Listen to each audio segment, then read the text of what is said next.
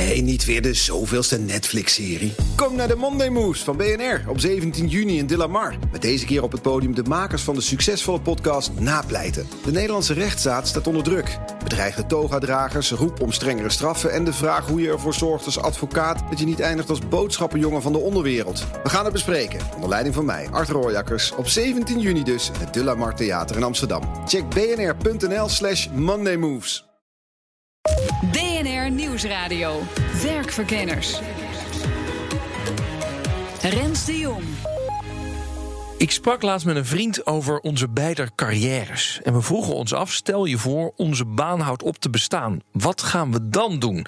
En het gekke is, ondanks dat ik uitzendingen vol maak over het aanpassen aan deze snel veranderende wereld, dat het voor jezelf best lastig is om te bedenken wat je dan gaat doen. En wat moet ik dan nu gaan leren om straks een andere carrière te hebben? Dit is BNR Werkverkenners met in deze aflevering de vraag: hoe doe je dat dan? Een leven lang leren.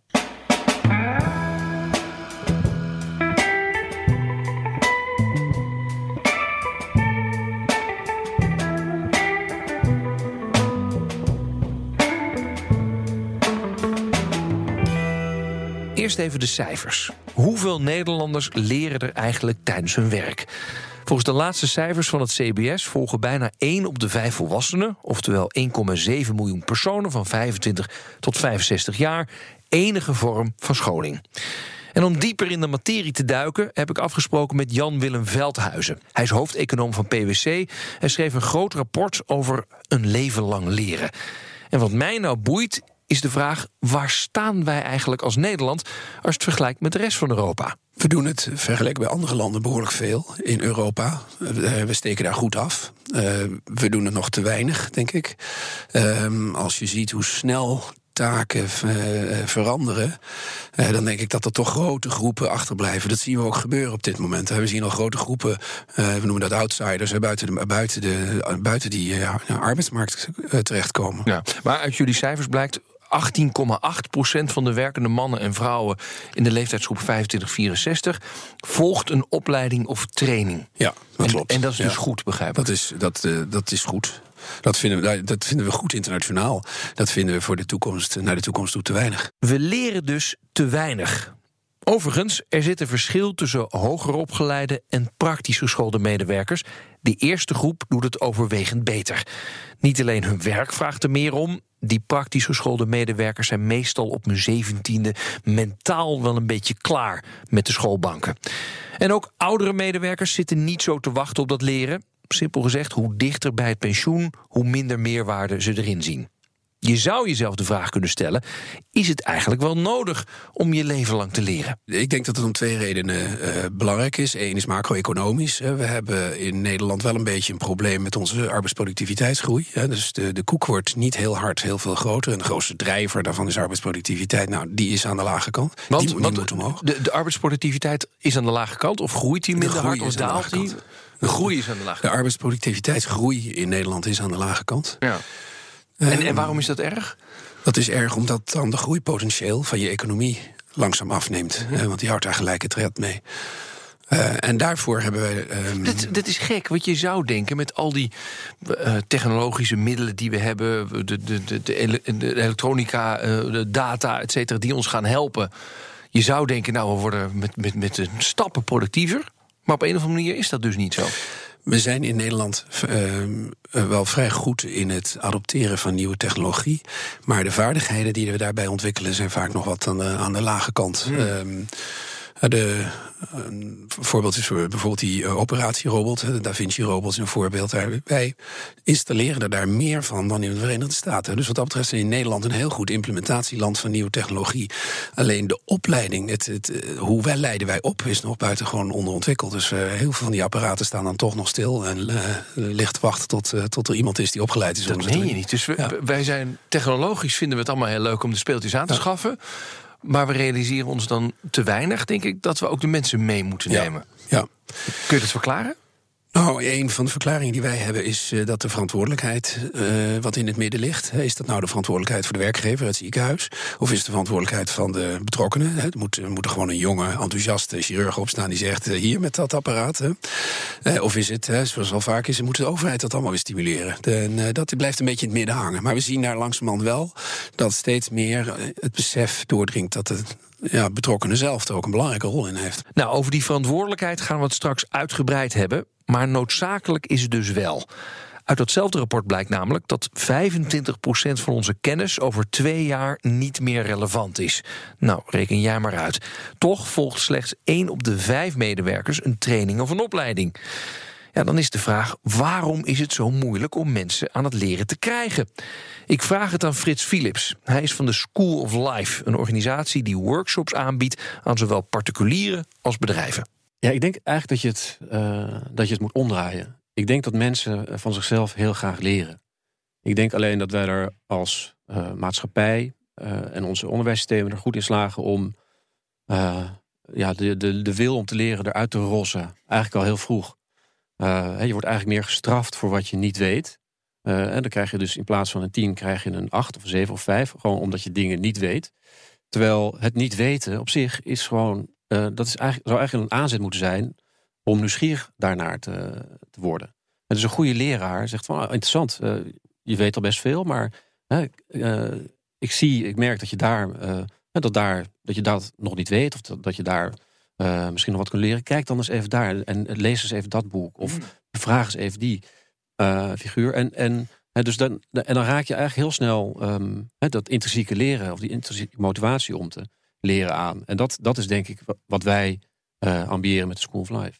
Hoe zorgen we er nou voor dat we die mindset krijgen? Want ik hoor van heel veel werkgevers van ja, weet je wel, eigenlijk is het eh, de beste bezuiniging, want dat budget gaat namelijk toch nooit op. En, en ik wil een manier vinden waardoor dat wel opgaat. Hoe moeten we dat doen volgens jou? Ja, ja, dat is natuurlijk een extreem uh, cynische kijk. En, uh, nou, laat ik uh, kijken naar onze praktijk. Wij, wij werken veel met organisaties en die, die kampen natuurlijk ook met dit soort vragen. En ik zie daarin ook wel een, een bepaalde ontwikkeling. Ook organisaties hebben denk ik heel lang een soort van starre blik gehad op, op, op leren. Um, bijvoorbeeld een, een traineeship. Een traineeship was een soort van wasstraat. Je, je klopte aan bij een organisatie, solliciteerde kreeg een baan. En als je dan uh, veelbelovend bleek, dan, dan werd je uitgenodigd voor traineeship. En, uh, en het traineeship is gewoon, hè, dat is een, dat is een, ja, een wasstraat, uh, vrij formulematig. En aan het eind daarvan heb je het een en ander opgestoken. Maar het is allemaal verplicht. Mm. En wij denken juist, je moet, je moet mensen niet verplichten, maar je moet ze nieuwsgierig maken. Dus we werken bijvoorbeeld met ABN AMRO hebben wij een, een, een talentprogramma voor ontwikkeld. Eigenlijk heel mooi, volgens de principe van het Agile Way of Working we zeggen, um, we hebben een heel palet aan, aan onderwerpen waaruit je kunt kiezen. Um, je gaat met een coach zitten en die helpt je eigenlijk uh, te verhelderen waar voor jou een leervraag zit. En dat kan zijn op het gebied van zelfvertrouwen of uh, creativiteit of innovatie of misschien wat empathische skills of misschien jezelf wat makkelijker presenteren. En, en, dan, en dan krijg je eigenlijk de gelegenheid bij ons om uh, om daar zelf je, je traject in uh, vorm te geven. Dus je kunt een beetje cherrypicken, een paar workshops, wat coaching. En zo um, geef je eigenlijk je, je eigen leertraject vorm. En dat is, ja, volgens mij is dat veel meer de richting waar we, waar we op moeten. Maar dat vereist een bepaalde flexibiliteit. Ik hoor ook wel eens werkgevers die zeggen: ja, ik kan het wel helemaal vrijgeven. Maar stel je voor dat ze dan iets gaan leren waar ik heb er niet zo heel veel aan heb. Ja. En, dan, en, dan, en dan als ik dan nee ga zeggen, dan is iedereen gedemotiveerd. Ja, um, uh, dat klopt. Vertrouwen is natuurlijk ontzettend belangrijk. En ik denk dat wij dat uh, borgen door goed, door goed te inventariseren waar iemand op, op vastloopt of waar, waar die een uitdaging ervaart. Hè. Dus dat, dat zijn natuurlijk persoonlijke gesprekken met coaches. Um, en aan de andere kant denk ik ook, ontwikkeling is altijd veel breder dan net die ene uh, skill waar de organisatie behoefte aan heeft. Wij denken, en gelukkig denken ook steeds meer organisaties er zo over, dat je als je ontwikkelt als mens, als je je ontwikkelt als mens in, je, uh, in zijn geheel, uh, dan ontwikkel je je ook op je werk. En als jij thuis betere gesprekken leert voeren en als je beter weet wie je zelf bent en, en wat voor gekke eigenschappen je hebt, wat, wat, waar je oogklep hebt, dat je ook een prettiger collega bent die minder defensief reageert als iemand je feedback geeft.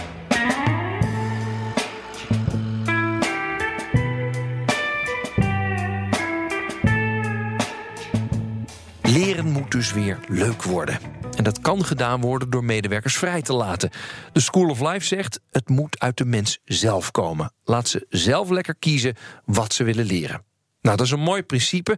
En bij Achmea doen ze dat ook. Ze laten medewerkers in teams zelf nadenken over de skills die ze nodig hebben voor de toekomst.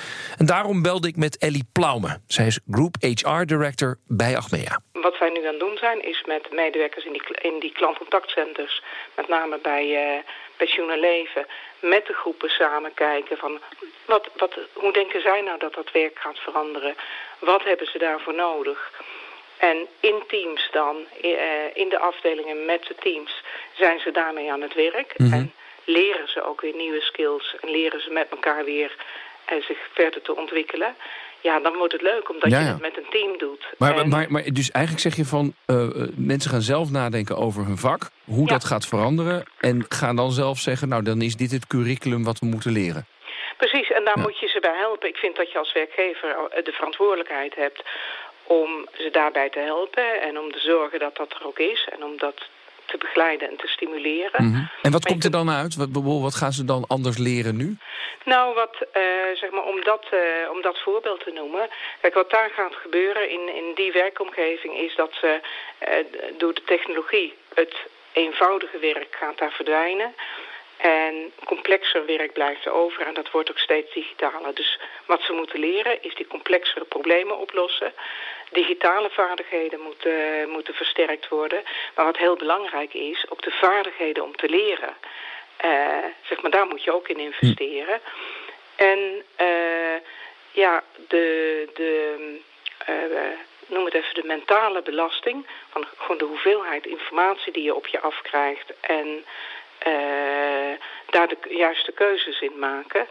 Dat is ook een vaardigheid die je eigenlijk heel breed eh, nu nodig hebt.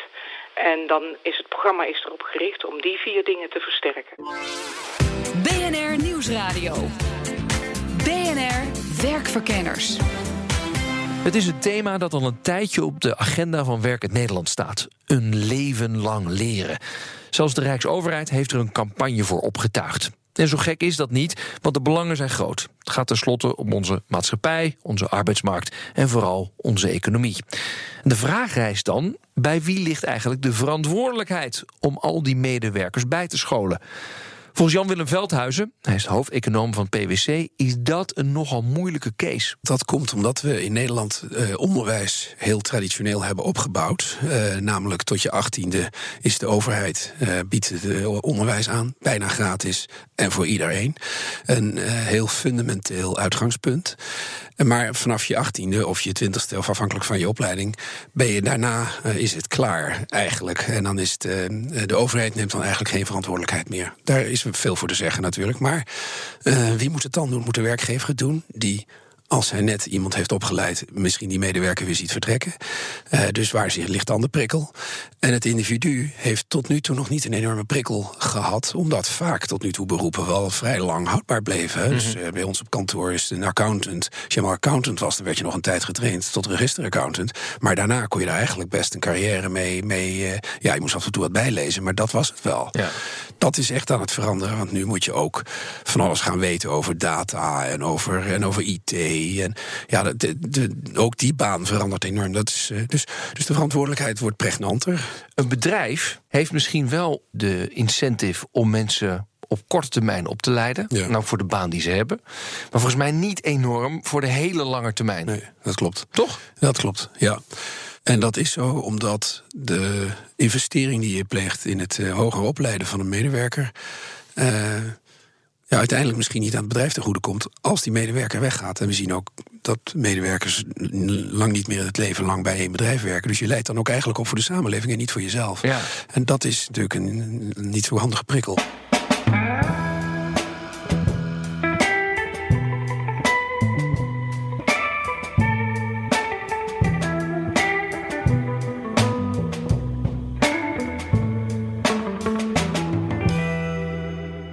Drempel voor de medewerker zelf om te zeggen: Nou ja, ik moet mijn leven lang leren, want ik moet er mijn leven lang bijblijven. Dat misschien die langetermijn prikkel er niet heel erg in zit.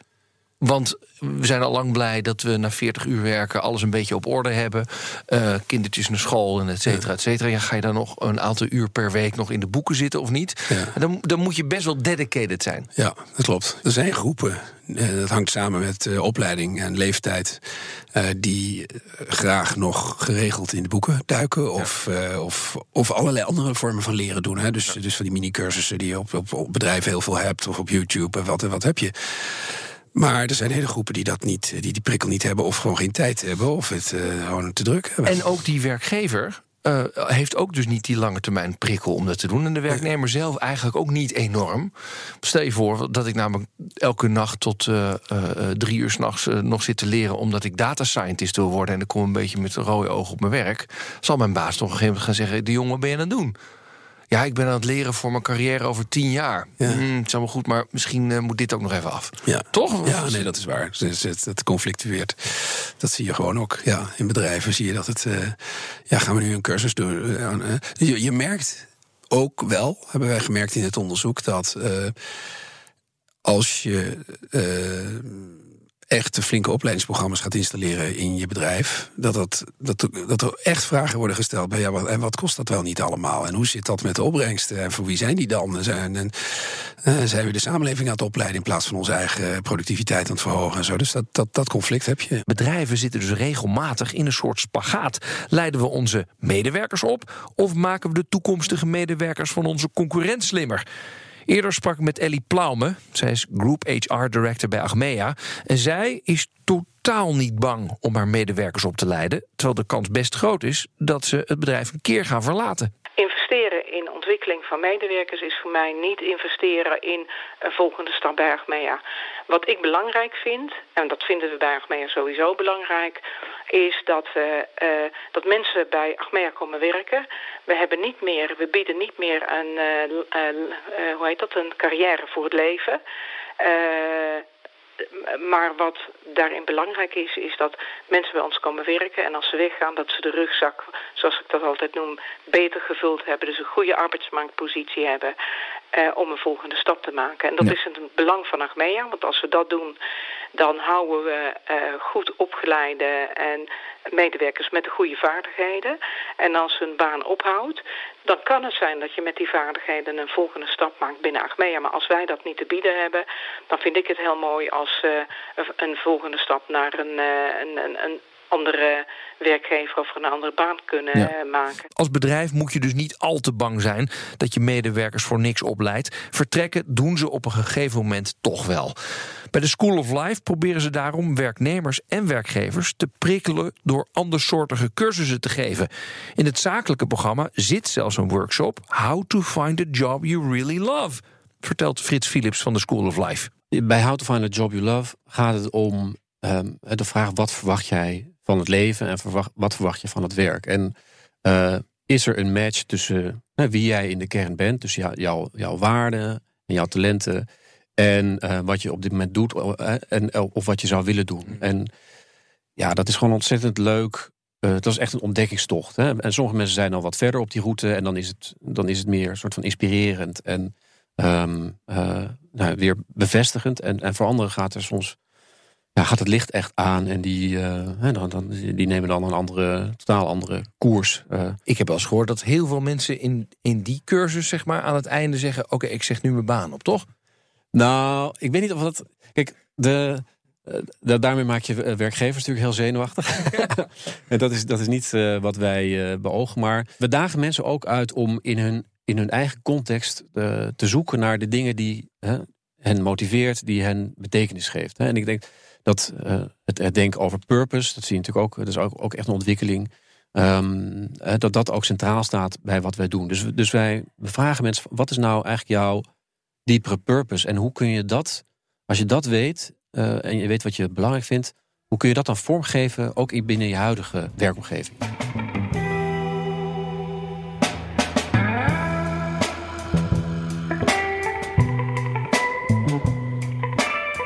Volgens Ellie Plaumen moet je als werkgever in ieder geval ervoor zorgen dat je niet al te lang wacht met het laten ontwikkelen van werknemers.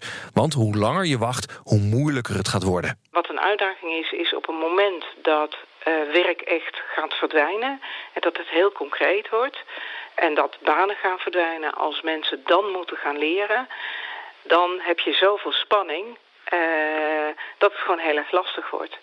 Dus wat belangrijk is, is dat dat je eigenlijk voortdurend blijft leren, maar dat het oriënteren op, nou stel dat mijn werk heel erg verandert of dat mijn werk ophoudt of dat ik inderdaad die tweede loopbaan uh, moet gaan doen omdat mhm. we met z'n allen langer doorwerken.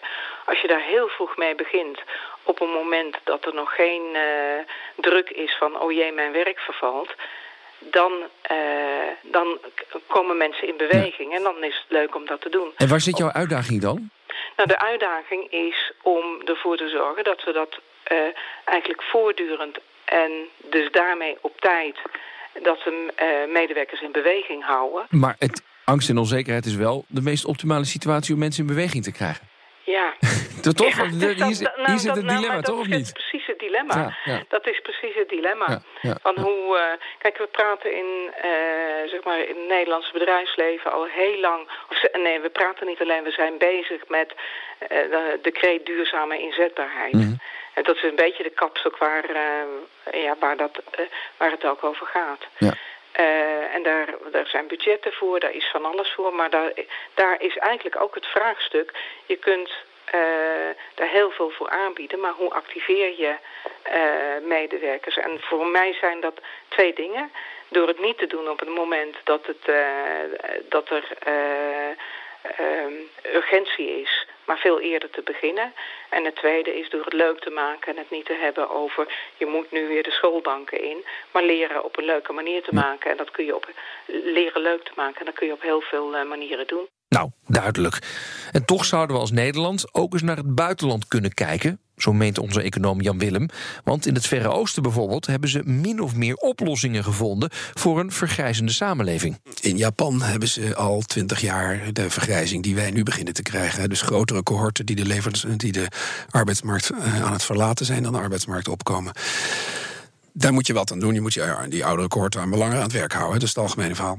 Uh, Japan doet dat. En hoe doet Japan dat? Japan heeft echt een arbeidsmarkt voor ouderen gecreëerd. Dus je kunt als 55-plusser of 60-plusser in Japan gewoon solliciteren. Niet meer op een baan voor een 26-jarige. Je concurreert niet met een 26-jarige, maar je concurreert om types banen die horen bij jouw leeftijd.